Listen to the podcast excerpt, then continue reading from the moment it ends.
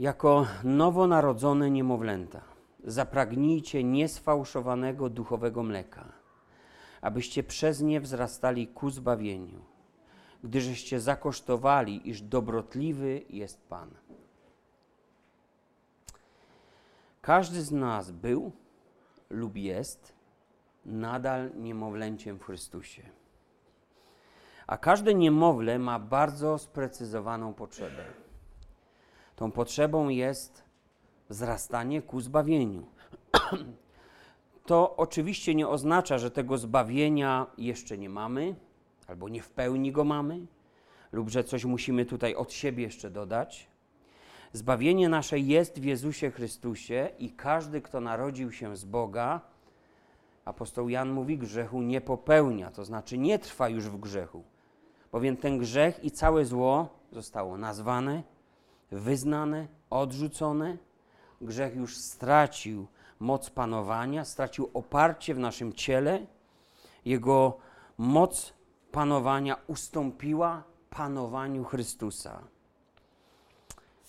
Uwierzyliśmy Ewangelii, tak? Nawróciliśmy się do Boga. Odwróciliśmy się od martwych uczynków. Podążyliśmy w stronę Królestwa Bożego, które właściwie mówiąc jest już obecne, choć niewidzialne, niedostrzegalne, ale rozpoczęło się w sercach naszych. I nowonarodzone niemowlę pragnie. Cechą tego niemowlęcia jest to, że ciągle pragnie. To cecha właściwie dziecka Bożego. Ono nie pragnie taplać się dalej w brudzie. Ono nie pragnie powracać do starych grzechów. Ono nie szuka znowu starych dróg, jakby to zrobić, żeby na nie wejść.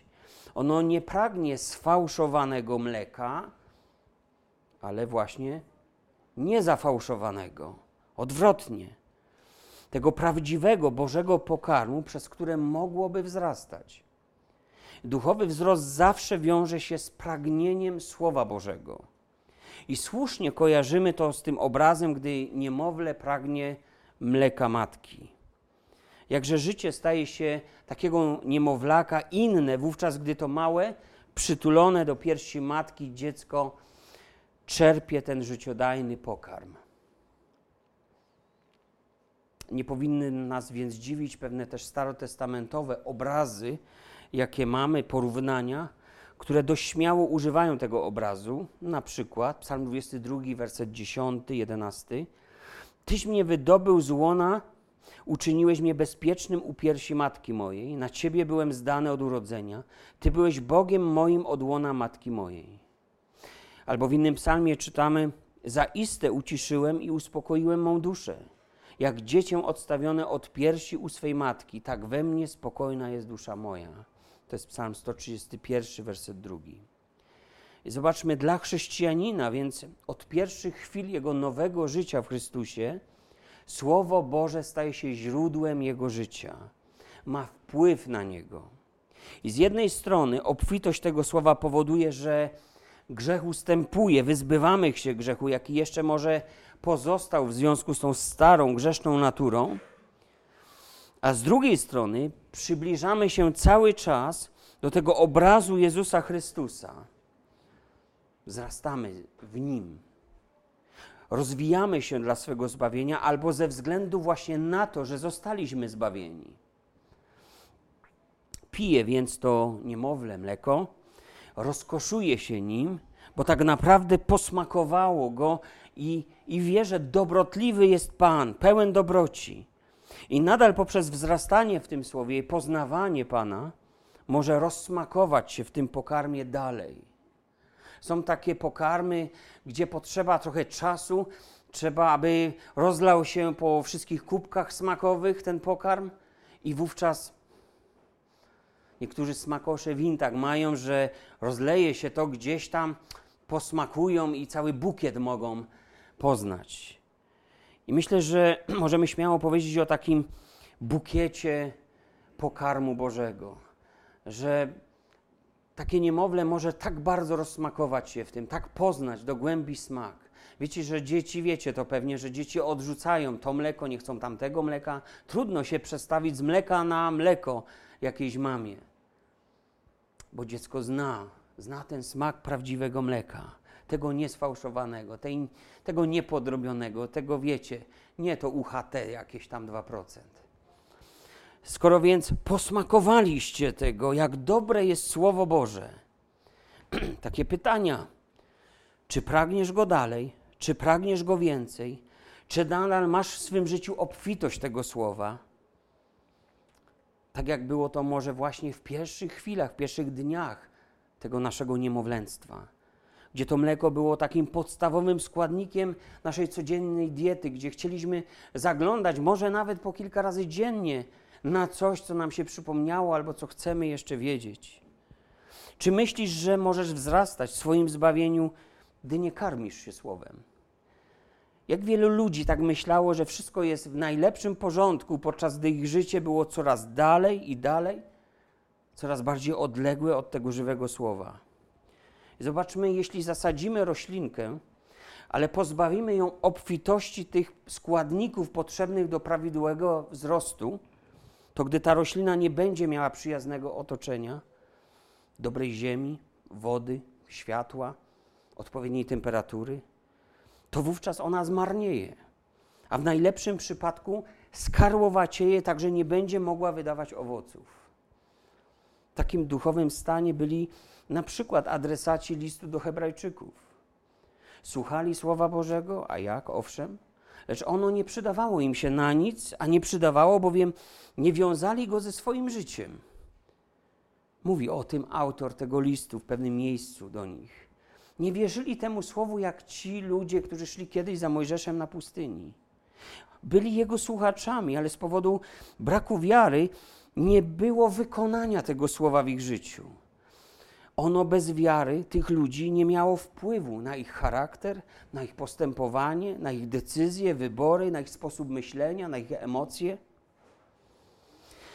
I gdy pisze do nich autor tego listu, piąty rozdział to jest, jedenasty werset, druga część, to mówi do nich: Staliście się ociężali w słuchaniu. Biorąc pod uwagę czas, powinniście być nauczycielami, tymczasem znowu potrzebujecie kogoś, kto by was nauczał pierwszych zasad.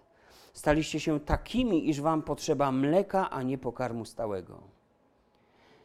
Zważywszy na upływ czasu, powinni być już w innym miejscu w swoim życiu duchowym ale potrzebują znowu mleka jak to niemowlę. I tutaj to mleko porównane zostało do pierwszych zasad nauczania o Bogu, gdzie podstawą tego jest nauczanie o odwróceniu się od martwych uczynków i o wierze w Boga. No i moglibyśmy jeszcze dodać kilka elementów, które tam są zapisane. Zatem musimy zdać sobie sprawę z tego, jak bardzo potrzebujemy słowa, do naszego duchowego rozwoju, do tej przemiany, do tego naszego wzrostu. Biblia powiada, i to jest Ewangelia Jana, 15 rozdział, znany fragment przecież. Jezus mówi takie słowa: Wy jesteście już czyści dla słowa, które wam głosiłem. Jak latorość sama z siebie nie może wydać owocu, jeśli nie trwa w krzewie winnym, tak i wy, jeśli we mnie trwać nie będziecie. Ja jestem krzewem winnym, wy jesteście latoroślami. Kto trwa we mnie, a ja w nim, ten wydaje wiele owocu, bo beze mnie nic uczynić nie możecie. To jest trzeci do piątego wersetu, jeszcze siódmy, ósmy werset piętnastego rozdziału. Jeśli we mnie trwać będziecie i słowa moje w was trwać będą, proście o cokolwiek byście chcieli, a stanie się wam. Przeto uwielbiony będzie Ojciec mój, jeśli obfity owoc wydacie i staniecie się moimi uczniami. Pan Jezus w tej historii o latorośli krzewie winnym dokładnie wyjaśnił, jak bardzo człowiek, który został oczyszczony przez Słowo, potrzebuje go dla dalszego swojego rozwoju. Nie jest w stanie bez tego Słowa zmienić trwale choćby jednej cechy swojego charakteru w swoim życiu. Nie może stawać się bez niego bardziej na podobieństwo Chrystusa. Byliśmy niegdyś, mówiąc obrazowo, takim obcym ciałem, obcym organizmem dla Chrystusa. Nie byliśmy Jego ciałem, a z osobna członkami tego ciała. Byliśmy jednak, można powiedzieć, dalecy od życia Bożego, dalecy od przymierzy, dalecy od Bożych obietnic. Takimi byliśmy, żyjąc po prostu starym życiem. Biblia mówi bez wiary, bez nadziei, bez miłości, można by nawet powiedzieć bez przyszłości, pogrążeni w swoich grzechach, martwi właściwie, tak mówi Biblia, w swoich grzechach, pędzeni swymi ambicjami, napełnieni myślami serca, które Bóg nazywa, że są ustawicznie złe. I apostoł Paweł w swoim liście używa też podobnego obrazu, obrazu szlachetnego drzewa oliwnego. Mówi, że przyszedł na nas jednak, do naszego życia taki moment, że ten, który uprawia swoją rolę, znalazł nas jako te dzikie gałązki i wszczepił nas, dzikusów, tak powiem obrazowo, to szlachetne drzewo oliwne. Staliśmy się jako ta dzika gałązka, więc jednym organizmem z tym, co jest szlachetne, co jest wybrane, co jest Boże. O ile pozwolimy na to, aby to, co szlachetne, zrosło się z tym, co dotąd było dzikie i nieowocujące. Lecz Psalm 52, 10 werset. Lecz ja jestem jak oliwka zielona w domu Bożym. Zaufałem łasce Bożej na wieki wieków, tak mówi psalmista. I myślę, że życie drzewa oliwnego jest po prostu życiem namaszczonym, życiem tłustym, życiem obfitującym, ociekającym Bożym błogosławieństwem, Bożą obecnością. Drzewa nieowocujące mają inaczej. To zazwyczaj te, które przestały czerpać ze źródła. Jakie one są? Karłowate? Dziko rosnące, liściaste, nie wydające owocu? Jakim drzewem jestem, jesteś dla Pana? Czy trwasz w Jezusie Chrystusie? Jakub wzywa nas w swoim liście, abyśmy przestali być jedynie słuchaczami słowa, a stali się jego wykonawcami. I wcześniej powiada w swoim liście, to jest pierwszy rozdział, 21 werset, mówi: Przyjmijcie z łagodnością wszczepione was słowo, które może zbawić dusze wasze.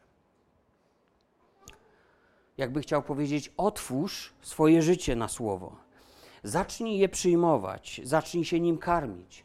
Otocz to słowo wiarą, to znaczy uwierz, że Bóg mówi przez nie do ciebie, a gdy mówi, to mówi prawdę. Przyjąć to słowo z łagodnością oznacza przyjąć bez oporu, bez sprzeciwu bez poddawania wątpliwość, podając, poddając się temu, co Pan chce, aby w naszym życiu nastąpiło, aby miało miejsce. Bo jeśli On coś nazywa grzechem, to Ty to też nazwiesz grzechem i odrzucisz to od siebie. Jeśli On czegoś nienawidzi, Ty to też znienawidzisz. Jeśli On chce Cię poprowadzić w prawo, no to Ty nie pójdziesz w lewo. Słowo będzie Twoim światłem, Słowo będzie drogowskazem, przewodnikiem, wyrocznią. I zobaczcie, Bóg je sam wszczepia i to robi ostrożnie, z precyzją w nasze życie, aby to się przyjęło.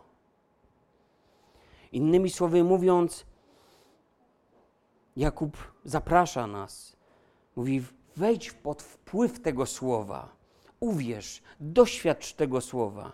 Zobacz, że stoi za nim duchowa rzeczywistość stoi jakaś moc, Boża moc. I Bóg użyje tego słowa we właściwym czasie w Twoim życiu, aby Chrystus też mógł Cię przemieniać na swoje po podobieństwo.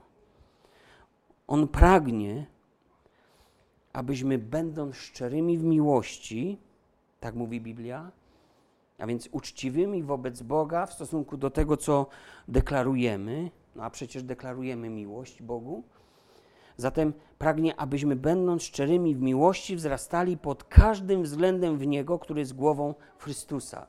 List do Efezjan, 4 rozdział, 15 werset. I pamiętajmy więc, że nie możemy wzrastać w Niego bez Niego. Musimy się najpierw wzrosnąć z Nim.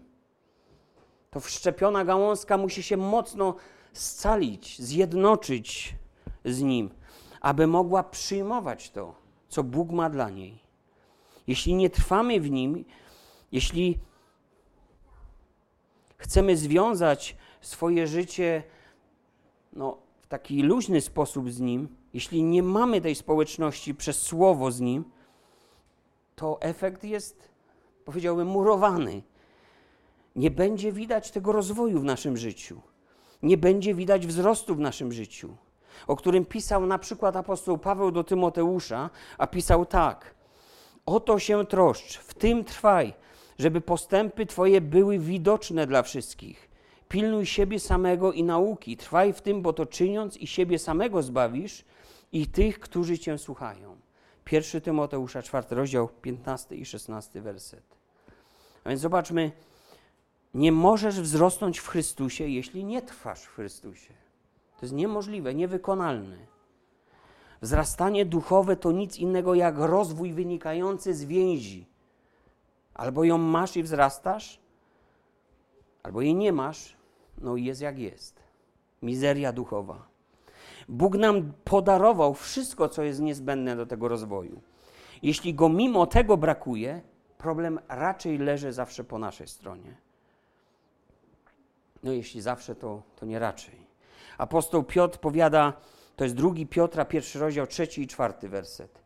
Powiada, boska Jego moc obdarowała nas wszystkim, co jest potrzebne do życia i pobożności, przez poznanie tego, który nas powołał, przez własną chwałę i cnotę, przez które darowane nam zostały drogie i największe obietnice, abyście przez nie stali się uczestnikami boskiej natury, uniknąwszy skażenia, jakie na tym świecie pociąga za sobą porządliwość. Bóg okazuje nam moc i pomoc. Pomoc niezbędną do przemiany, do wzrostu. I tutaj ten rozwój jest nazwany uczestnictwem w Bożej naturze. Jeśli nie ma rozwoju w tym, do czego Bóg mnie powołał i do czego mnie wyposażył, wtedy co się dzieje? Nie pozostajemy w jakimś neutralnym punkcie. Wtedy jesteśmy pociągani z powrotem do grzechu. Jesteśmy nękani złymi myślami, nęceni pokusami. I to ma wpływ znowu na jakość i sposób naszego życia. Dlatego Piotr mówi: dołóżcie wszelkich starań i uzupełniajcie wiarę waszą. I tam później w tym rozdziale jest cała lista cech charakteru, która była w Chrystusie Jezusie. A więc poddawaj się obróbce Słowa Bożego, jeśli chcesz wzrastać. Poddawaj się kształtowaniu przez Słowo. Niech Słowo nie będzie okazjonalnym wydarzeniem w Twoim tygodniu, w Twoim życiu. Słowo jest niezbędne dla wzrostu. Jeśli nie ma tego w moim życiu, nie ma tego otwarcia się na Słowo, wiary temu Słowu, obcowania z tym Słowem, podążania za tym Słowem, to to jest wystarczającym wyjaśnieniem mojego stanu duchowego, moich porażek, moich upadków, mojej bezowocności, braku mocy, a czasem też trzeba powiedzieć oddalania się od ciała Chrystusa, gdzie nie czuję pragnienia i potrzeby być bliżej braci i sióstr. Tak jak w życiu każdego z nas rozpoznajemy etapy rozwojowe od niemowlęcia do okresu takiego już słusznego, podobnie dzieje się w naszym duchowym dojrzewaniu. Też ten nasz rozwój jest podzielony w Biblii na pewne etapy. I na tym chciałbym się w drugiej części skoncentrować. Pierwszy list Jana, drugi rozdział, dwunasty werset do siedemnastego.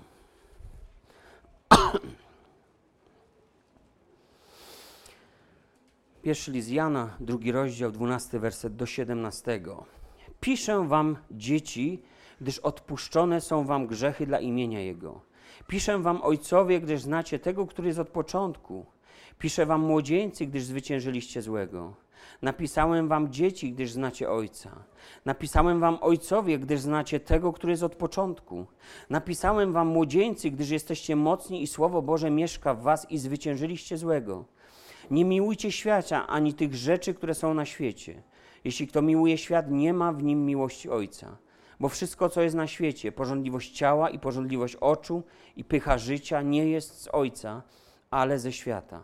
I świat przemija wraz z porządliwością swoją, ale kto pełni wolę Bożą, trwa na wieki.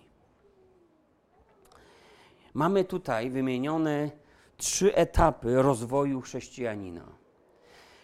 Każde niemowlę szybko staje się dzieckiem. Potem wyrasta na młodzieńca, aby z czasem stać się ojcem.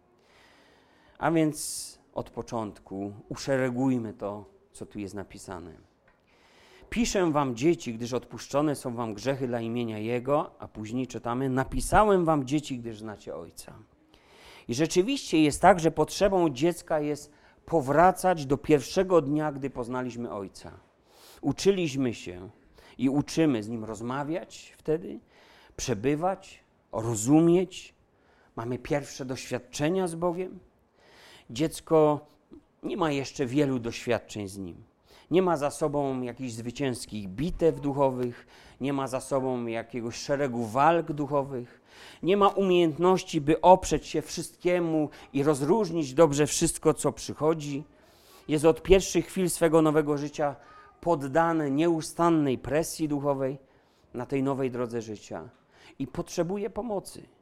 Potrzebuje pomocy. Diabeł ciągle wyciąga temu dziecku jakieś grzechy. Ustawicznie przypomina mu, że nie nadaje się na chrześcijanina z powodu kolejnych upadków, tu zawiódł, tam zawiódł. Jego potrzepty mówią: Nie idź tą drogą, to nie jest dla ciebie droga, nie dasz rady, twoje życie skomplikuje się i takie tam różne dyrdymały człowiek może słyszeć w swojej głowie. Jedyną obroną dziecka jest jego powrót do prawdy Ewangelii, która przypomina mu, że, że nie na podstawie swoich własnych zasług stało się dzieckiem Boga, ale na podstawie ofiary Jezusa Chrystusa, dzięki której On przecież odpuścił nam nasze winy i przyjął do królestwa swojego. I apostoł Paweł w liście do Kolosan, drugi rozdział, trzeci werset i dalej mówi: jak więc przyjęliście Chrystusa Jezusa Pana, tak w Nim chodźcie, wkorzenieni weń i zbudowani na Nim i utwierdzeni wierze, jak was nauczono, składając nieustannie dziękczynienie. Baczcie, aby was kto nie sprowadził na manowce filozofią i czczym urojeniem, opartym na podaniach ludzkich i na żywiołach świata, a nie na Chrystusie. Spójrzmy, dziecko musi ciągle wracać do korzeni, ukorzeniać się w tej swojej świeżej wierze.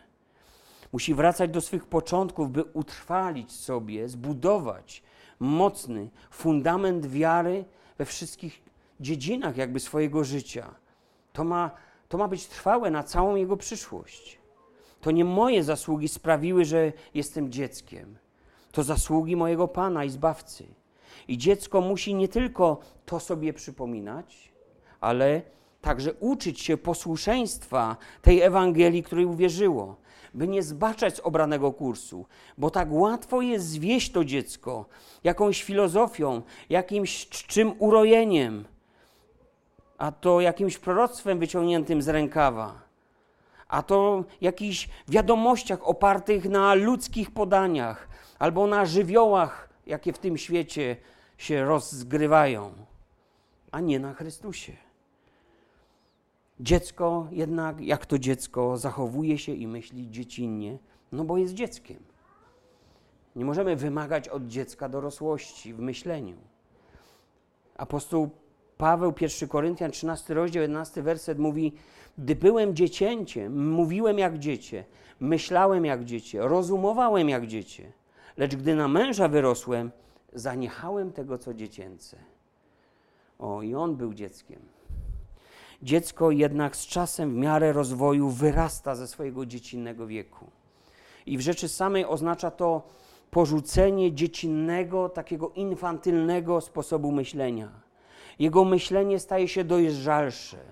On sam, to dziecko, staje się stabilne, niechwiejne, mniej podatne na wprowadzenie w błąd, na zwiedzenie, na oszustwo, na jakieś hasła, które mają pociągnąć w jedną albo w drugą stronę. Apostoł Paweł wyjaśnia nam, czego potrzebuje dziecko, by wyrosnąć ze swojego dzieciństwa. Efezjan 4 rozdział 14 werset.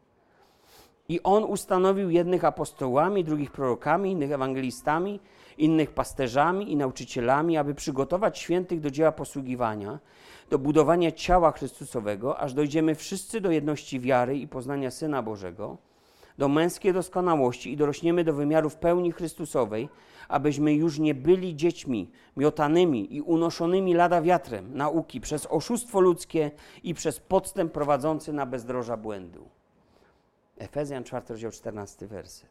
Zobaczmy, dziecko od czasu niemowlęcia potrzebuje wspólnoty Kościoła z jego autorytetami, wyznaczającymi jakiś zdrowy duchowy kierunek, to są ci, którzy karmią, budują, ochraniają, prowadzą, dają wzrost Kościołowi, prowadzą go do dojrzałości, do pełni wymiarów Chrystusa, czytamy?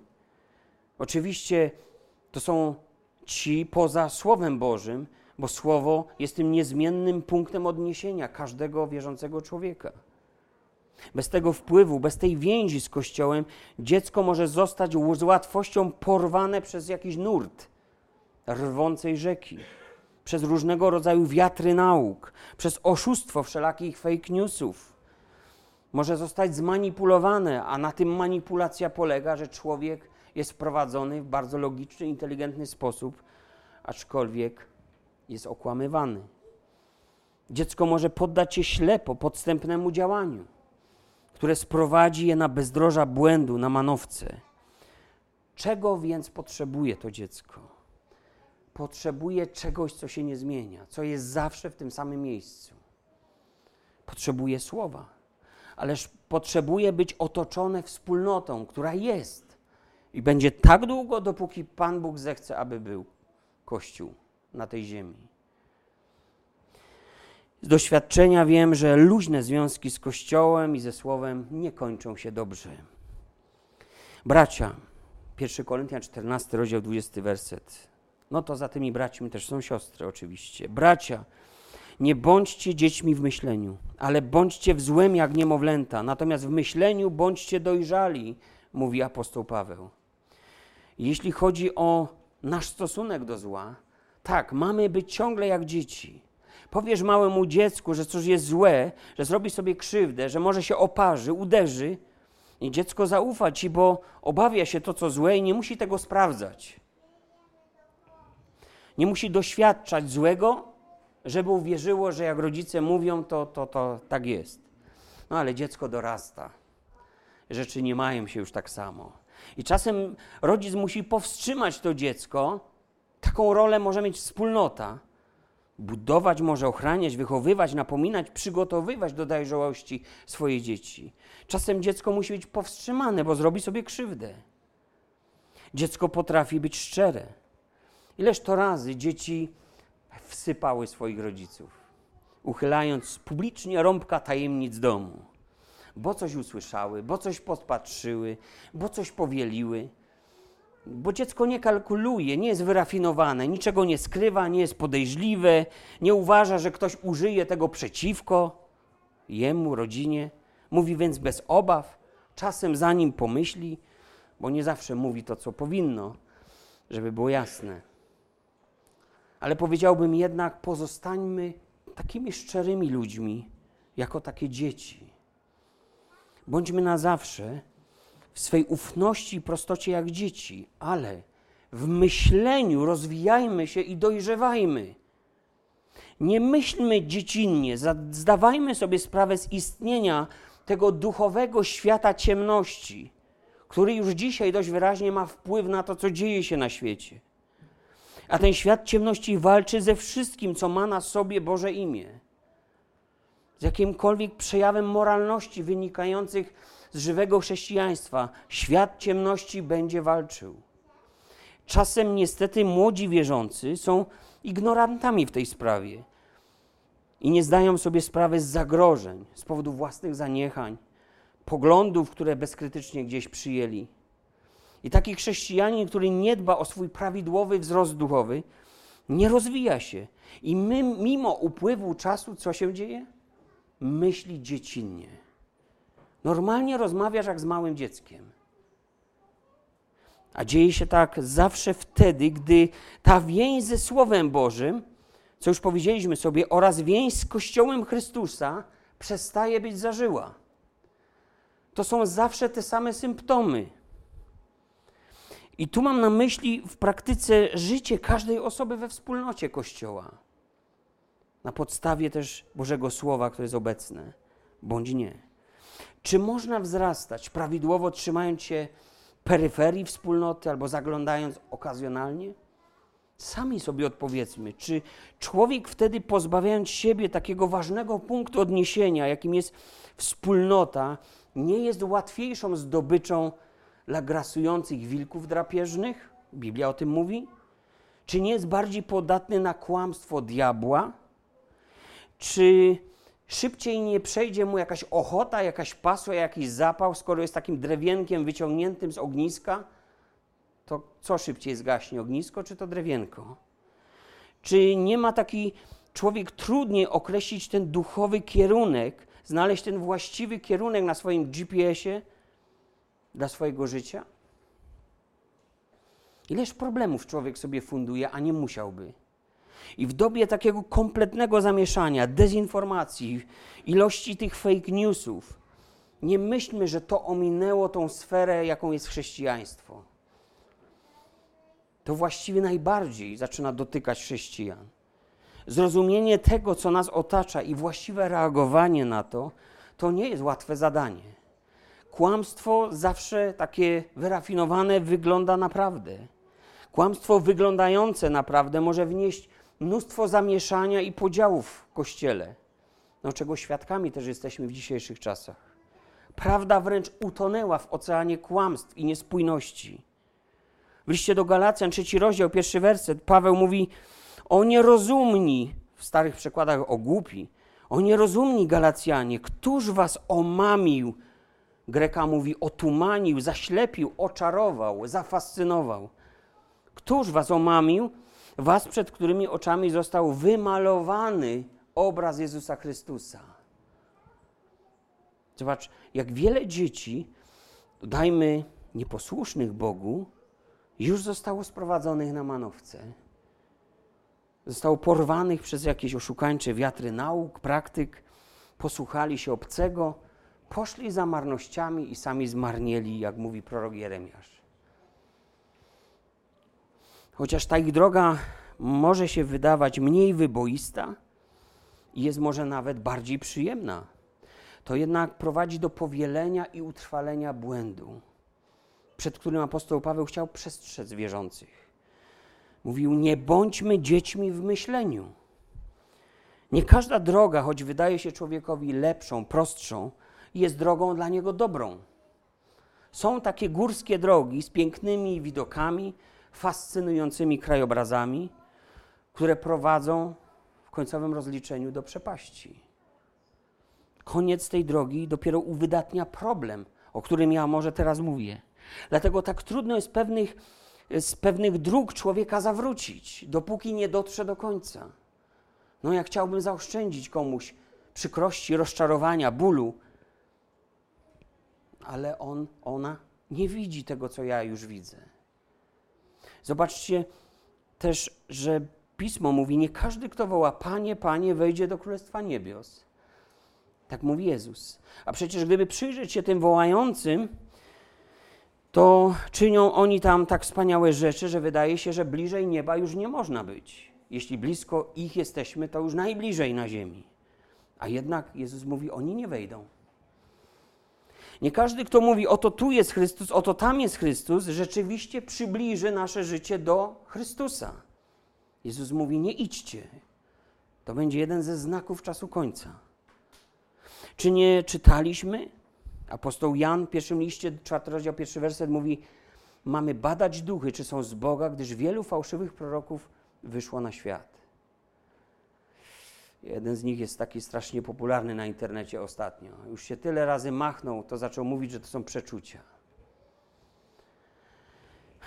Apostoł Jan pisze: A teraz, dzieci, trwajcie w nim, abyśmy, gdy się objawi, mogli śmiało stanąć przed nim i nie zostali zawstydzeni przy przyjściu Jego. Pierwszy Jana, drugi rozdział, 28 wers.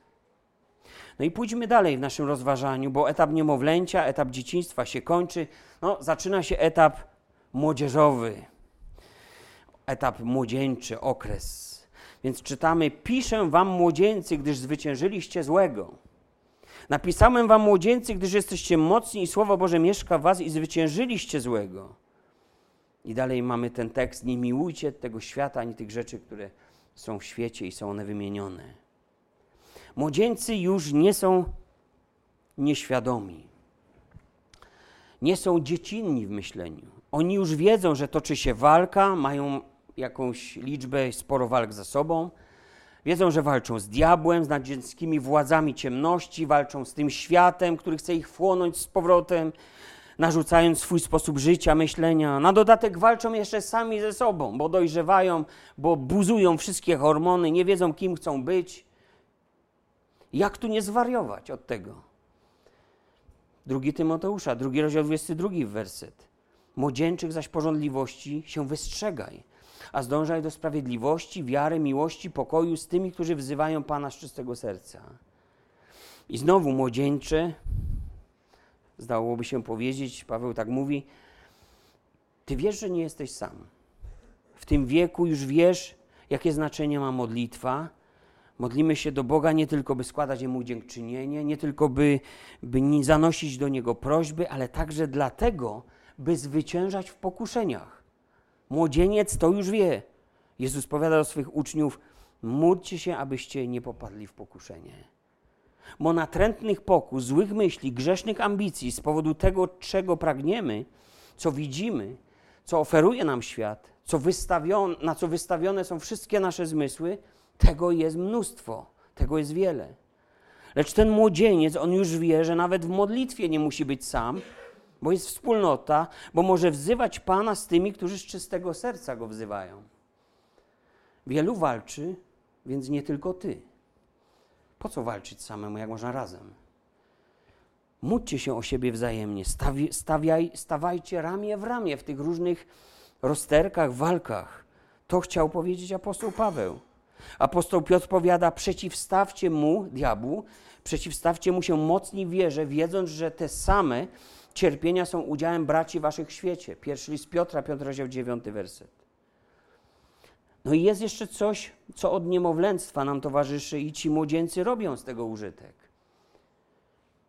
Przypomnę, pismo tu mówi w pierwszym liście Jana: Napisałem wam młodzieńcy, gdyż jesteście mocni i słowo Boże mieszka w was.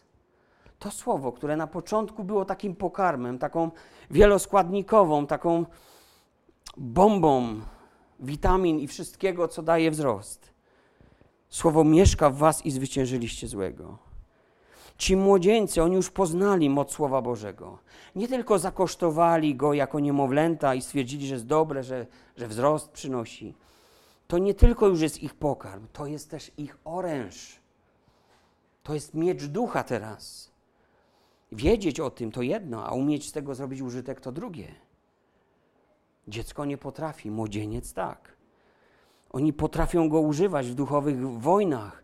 Mają umiejętność odpierania nim ataków diabła, tak jak Jezus na pustyni, kiedy był kuszony. Mogą teraz bronić swojej wiary, na podstawie słowa wyjaśniać Ewangelię. I ten wiek, wiek duchowej młodości, przecież niesie za sobą mnóstwo różnych innych jeszcze zmagań. Na przykład 2 Koryntian 10 rozdział, trzeci werset, tam czytamy takie słowa i dalej. Bo chociaż żyjemy w ciele, nie walczymy cielesnymi środkami, gdyż oręż nasz, którym walczymy, nie jest cielesny, lecz ma moc burzenia warowni dla sprawy Bożej. Nim też unicestwiamy złe zamysły i wszelką pychę podnoszącą się przeciw poznaniu Boga.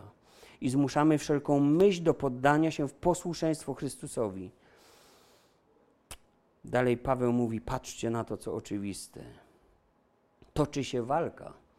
Walka z tym, co cielesne, w tym, co co się wzbija w pychę. Niektóre rzeczy tak głęboko osadziły się w naszym życiu, że tkwią tam niczym warownie. Jakby zawsze tam to było. Są nie do ruszenia, jednak pismo mówi, że mamy oręż, mamy słowo, mamy modlitwę, mamy wspólnotę i te rzeczy już są do ruszenia, ale nie w sposób cielesny. Tak tego nigdy nie ruszysz i nigdy nie wygrasz. Zawsze będziesz dawał ciała. Gdy jesteśmy fizycznie, tak fizycznie w takim wieku naście albo dwadzieścia kilka, to zobaczcie, że też mamy walkę. Tak mówiąc teraz analogicznie do fizycznego naszego wieku. Walczysz, bo na przykład nie wiesz, jaka ma być Twoja tożsamość. Kumple, koleżanki idą w jedną stronę, a Kościół jakby trochę w inną.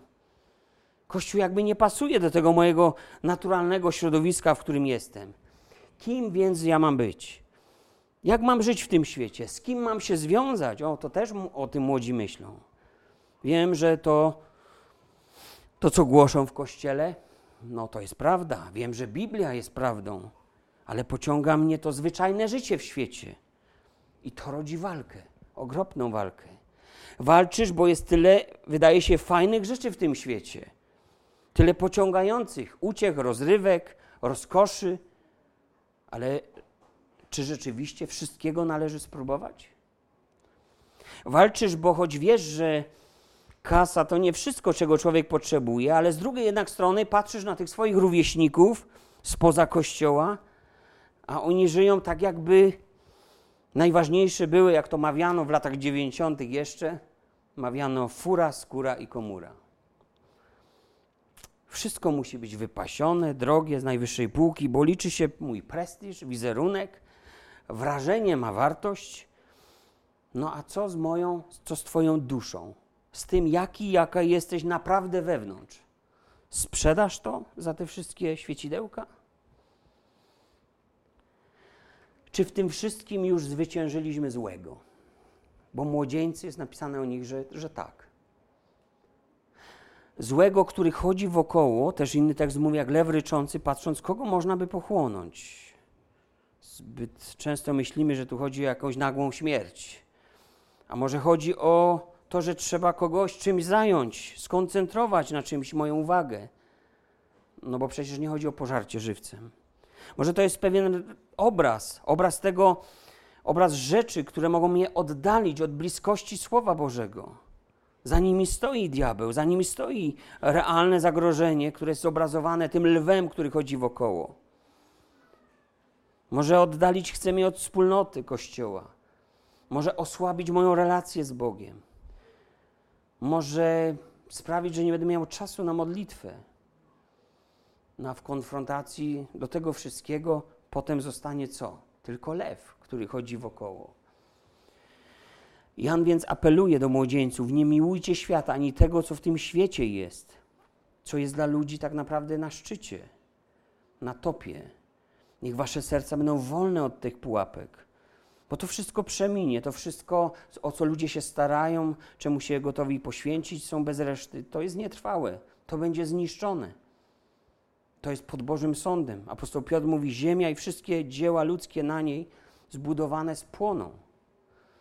I czas pandemii, zwał go jak zwał, doskonale to pokazuje, że ludzie w tym świecie rzeczywiście trwożą się z powodu widma utraty tego, czemu się najbardziej poświęcali.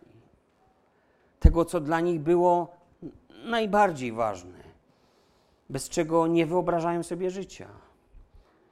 Skoro jesteśmy w tym świecie, musimy również zadbać o to, aby mieć właściwy stosunek do tego, co w tym świecie jest. Kościół przecież też przeżył ten cały okres i, i nie było łatwo.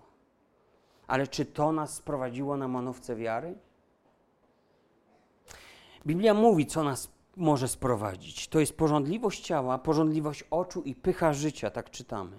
Albo jeśli ktoś woli wersję współczesną, wygodne i dostatnie życie, rozrywki i uciechy, władza i sława. To są te piedestały, na które wspinają się ludzie, rzeczy, za którymi gonią w tym świecie. Młodzieńcy Boży, czy już zwyciężyliście złego? Czy poznaliście moc oręża Bożego w waszych walkach duchowych?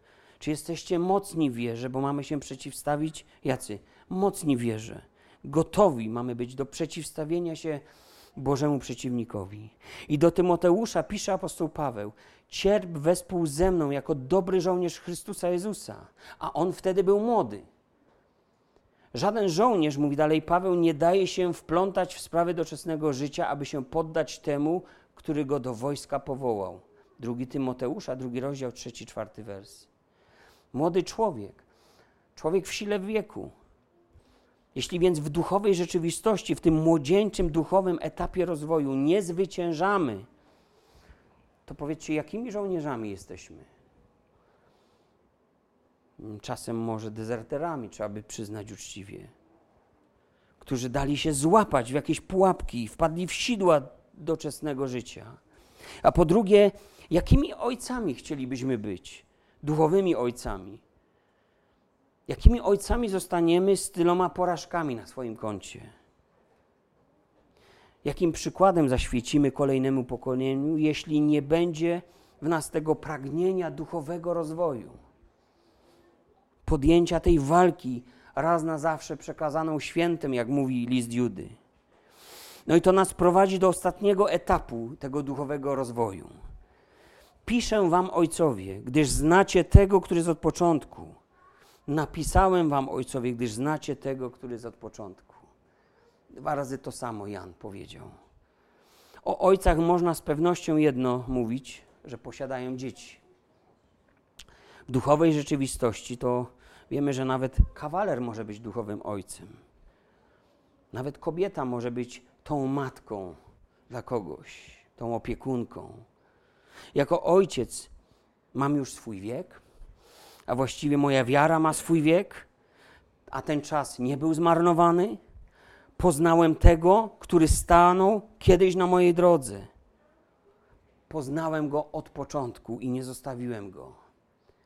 Ciekawe, że apostoł dwa razy mówi to samo. Bo kiedy Biblia mówi coś, to wiemy, że to ważne, a jak dwa razy, to powiadamy, że to szczególnie ważne. Więc co to znaczy znać tego, który jest od początku?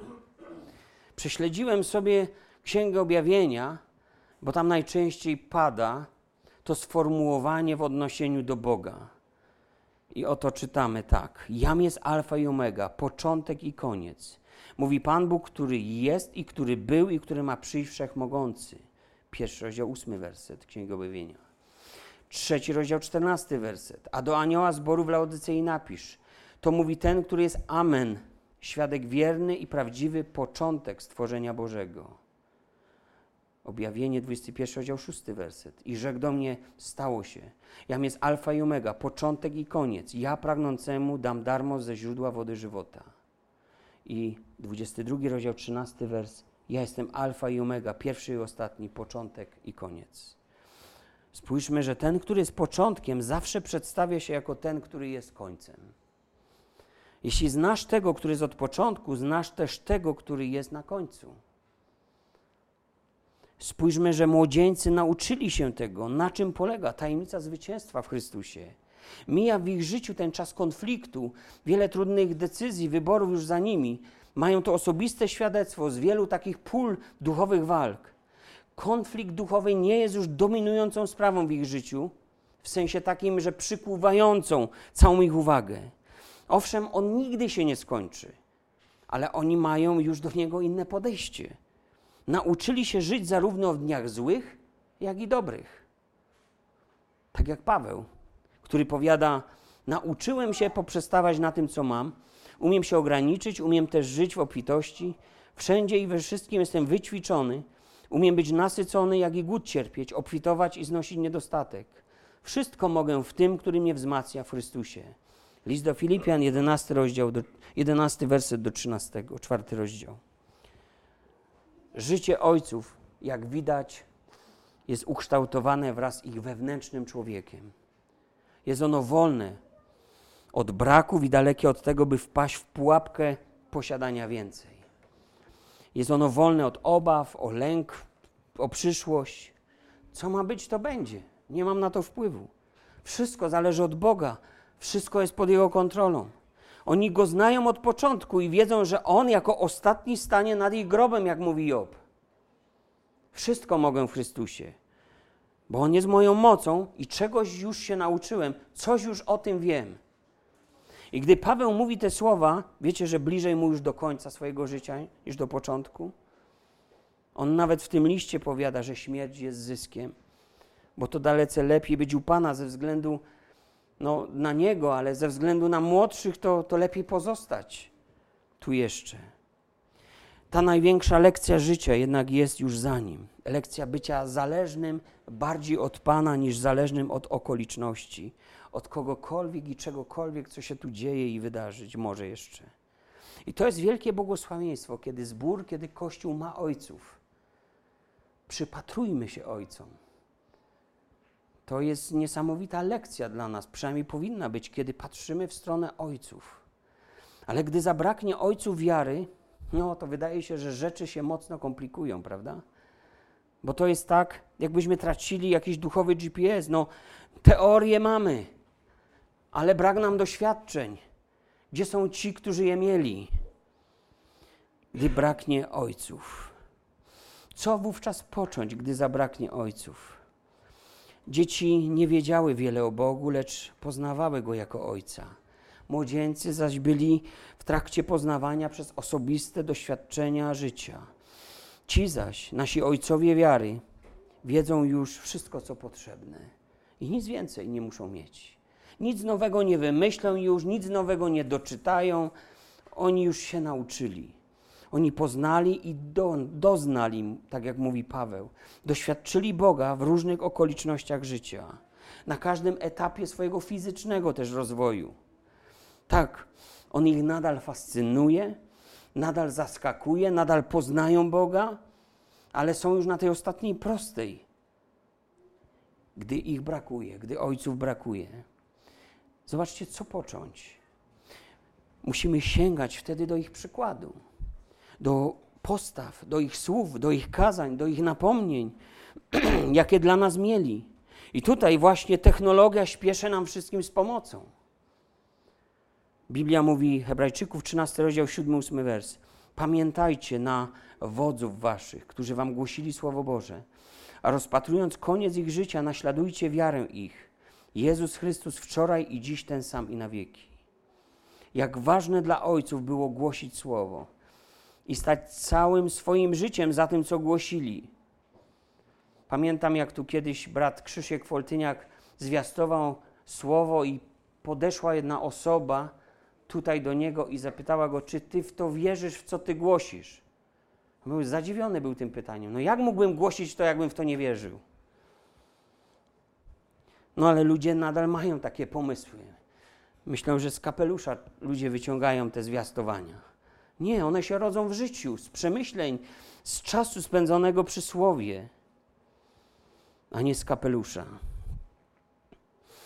Nie musimy więc żyć cudzą wiarą, ale możemy żyć własną wiarą. A żeby żyć własną wiarą, potrzebujemy też naśladować wiarę ich, bo to dalece łatwiejsze dla nas. Mniej problemów sobie fundujemy. Jezus powiedział: Oto jestem z wami aż do skończenia świata. I to też jest coś, co daje nam skrzydeł i daje dobry fundament na przyszłość. Jak to jest z tym ojcostwem? Czy jesteśmy dobrymi ojcami? I nie mam na myśli jakiegoś wieku, wiecie, 65, plus, bo duchowe ojcostwo to jest sprawa płynna, tak jak wiek duchowy młodzieńczy. Można szybciej wzrastać i wolniej wzrastać. Można, zważywszy na czas, już być nauczycielem, a oto potrzebować dalej mleka. Jak to jest ojcostwem? Czy nasze życie biegnie tak, że od dzieciństwa do ojcostwa pozostawiamy taki dobry przykład, dobry wzór wiary? Jezus powiedział, wszak to muszę przytoczyć, że aby nikogo nie nazywać na ziemi ojcem, bo tylko jeden jest ojciec w niebie. Kiedy mówimy więc o ojcostwie, to nie po to, by znaleźć powód do wywyższenia, by znaleźć jeszcze jeden powód do przywództwa, by przypisać sobie jakiś tytuł do nieumylnego interpretowania Słowa Bożego i prawd wiary. Wszyscy my mamy jednego Ojca. Wszyscy jesteśmy współbraćmi, współsługami Chrystusa. Jednak gdy przyglądamy się naturalnemu rozwojowi chrześcijanina, to widzimy tą piękną analogię, wskazującą, że ten duchowy wzrost to pewien proces dojrzewania od niemowlęctwa, dzieciństwa, wieku młodzieńczego do etapu ojcostwa. Chrystus ku tej dojrzałości, ku tej pełni nas prowadzi. I On jest taki sam. Wczoraj, dzisiaj i na wieki. I właśnie w życiu ojców można to rozpoznawać. Patrząc na ludzi, którzy odchodzą, możesz wiedzieć, że Chrystus jest taki sam też w Twoim życiu. Że nie skończyło się wszystko wraz z tym, że ktoś odszedł. Mojżesz odszedł. I zatrwożyli się ludzie. Tym bardziej, że Jozue musiał usłyszeć pięć razy: Nie bój się, publicznie, nie bój się. A nawet ludzie ostatni raz powiedzieli na niego: Nie bój się, tylko bądź mężny i mocny, aby, abyś szedł tak, aby Pan Bóg był z tobą tak, jak był z Mojżeszem. Oni chcieli ten sam wzorzec mieć, ten sam wzorzec widzieć w tym nowym pokoleniu, które ich prowadzi. Zbliżyliśmy się do końca. Chrystus w Was, to jest Filipian 1 rozdział 27 werset. Chrystus w Was, nadzieja chwały. Jego to zwiastujemy, napominając i nauczając każdego człowieka we wszelkiej mądrości, aby stawić go doskonałym w Chrystusie Jezusie. Nad tym też pracuję, walcząc w mocy Jego, która skutecznie we mnie działa. Filipian, pierwszy rozdział, 27-28 werset. On ofiarował nam moc ku wzrastaniu, darował wielkie obietnice, darował ludzi, którzy się mozolą, którzy są zawsze etap przed nami, którzy mogą być wielką pomocą, dlatego wspólnota jest tak bardzo ważnym ogniwem w tego życia, w tym duchowym rozwoju. I to w jednym celu tylko mamy, słuchajcie, aby stawić mnie i Ciebie doskonałym, dojrzałym, w pełni ukształtowanym, gotowym do Bożego dzieła, a później w pełni przygotowanym, aby wejść do tej rzeczywistości nieba, gdzie przebywa Chrystus. I oby ta droga naszego życia taką się okazała. Obyśmy też uświadamiali sobie tą potrzebę duchowego rozwoju i nie lekceważyli właśnie te rzeczy, o których dzisiaj mówiłem. Dzisiejszy świat stawia na rozwój rzeczy zewnętrznych. Doczekamy się odstępstwa powierzchownego rozwoju. W rzeczy samej nic innego się nie wydarzy, jak tylko to, co Żydzi już dawno robili. Obmywali zewnętrzną stronę miski, a wewnątrz zapewniam, że nikt z nas nie chciałby z tego jeść, może nawet rąk umyć. Ale to zarzucił im Jezus, Żydom że stawiali tak bardzo na sprawy zewnętrzne, a nie było również postawienia tej ważności w tym, co dotyczyło wnętrza, serca człowieka. No i niestety zatrzymali się, odrzucili Chrystusa. Czekają na swój czas, ale my, my już doświadczamy tej łaski, a więc z łaski Bożej przyjmijmy to słowo i bądźmy w nim błogosławieni. No i rozwijajmy się pięknie.